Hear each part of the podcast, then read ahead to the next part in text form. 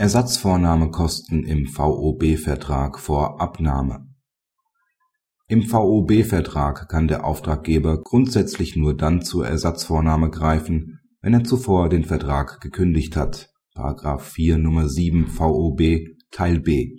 Verweigert der Auftragnehmer die Mängelbeseitigung allerdings endgültig, ist der Auftraggeber auch ohne vorherige Kündigung zur Ersatzvornahme berechtigt der klagende Auftraggeber lässt eine Tankstelle umbauen und schließt einen Werkvertrag mit dem beklagten Auftragnehmer. Die VOB Teil B ist Vertragsbestandteil.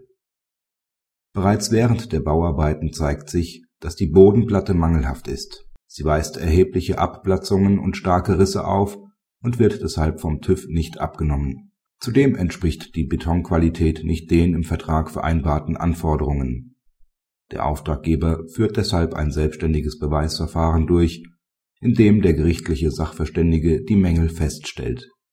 Nachdem das Beweisverfahren beendet ist, fordert der Auftraggeber den Auftragnehmer zur Mängelbeseitigung auf. Eine Frist zur Mängelbeseitigung, die der Auftraggeber mit einer Ablehnungsandrohung verbindet, verstreicht. Der Auftraggeber greift zur Ersatzvornahme.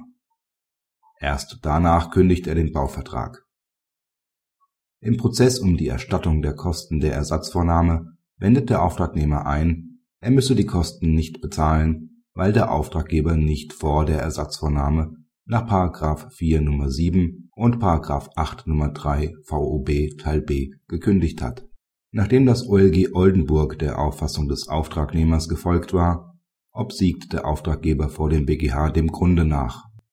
Der BGH stellt fest dass eine endgültige und ernsthafte Erfüllungsverweigerung des Auftragnehmers vorliegt, denn der Auftragnehmer hat nach der Vorlage des Gutachtens im selbstständigen Beweisverfahren nichts unternommen. Auch ließ er die Mängelbeseitigungsaufforderung des Auftraggebers unbeantwortet. Das OLG muss nun die Höhe des Anspruchs des Auftraggebers klären.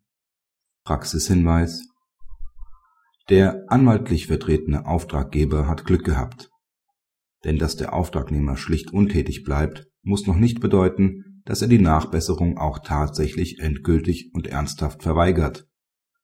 So liegt beispielsweise eine endgültige Nachbesserungsverweigerung nicht stets im prozessualen Bestreiten von Mängeln.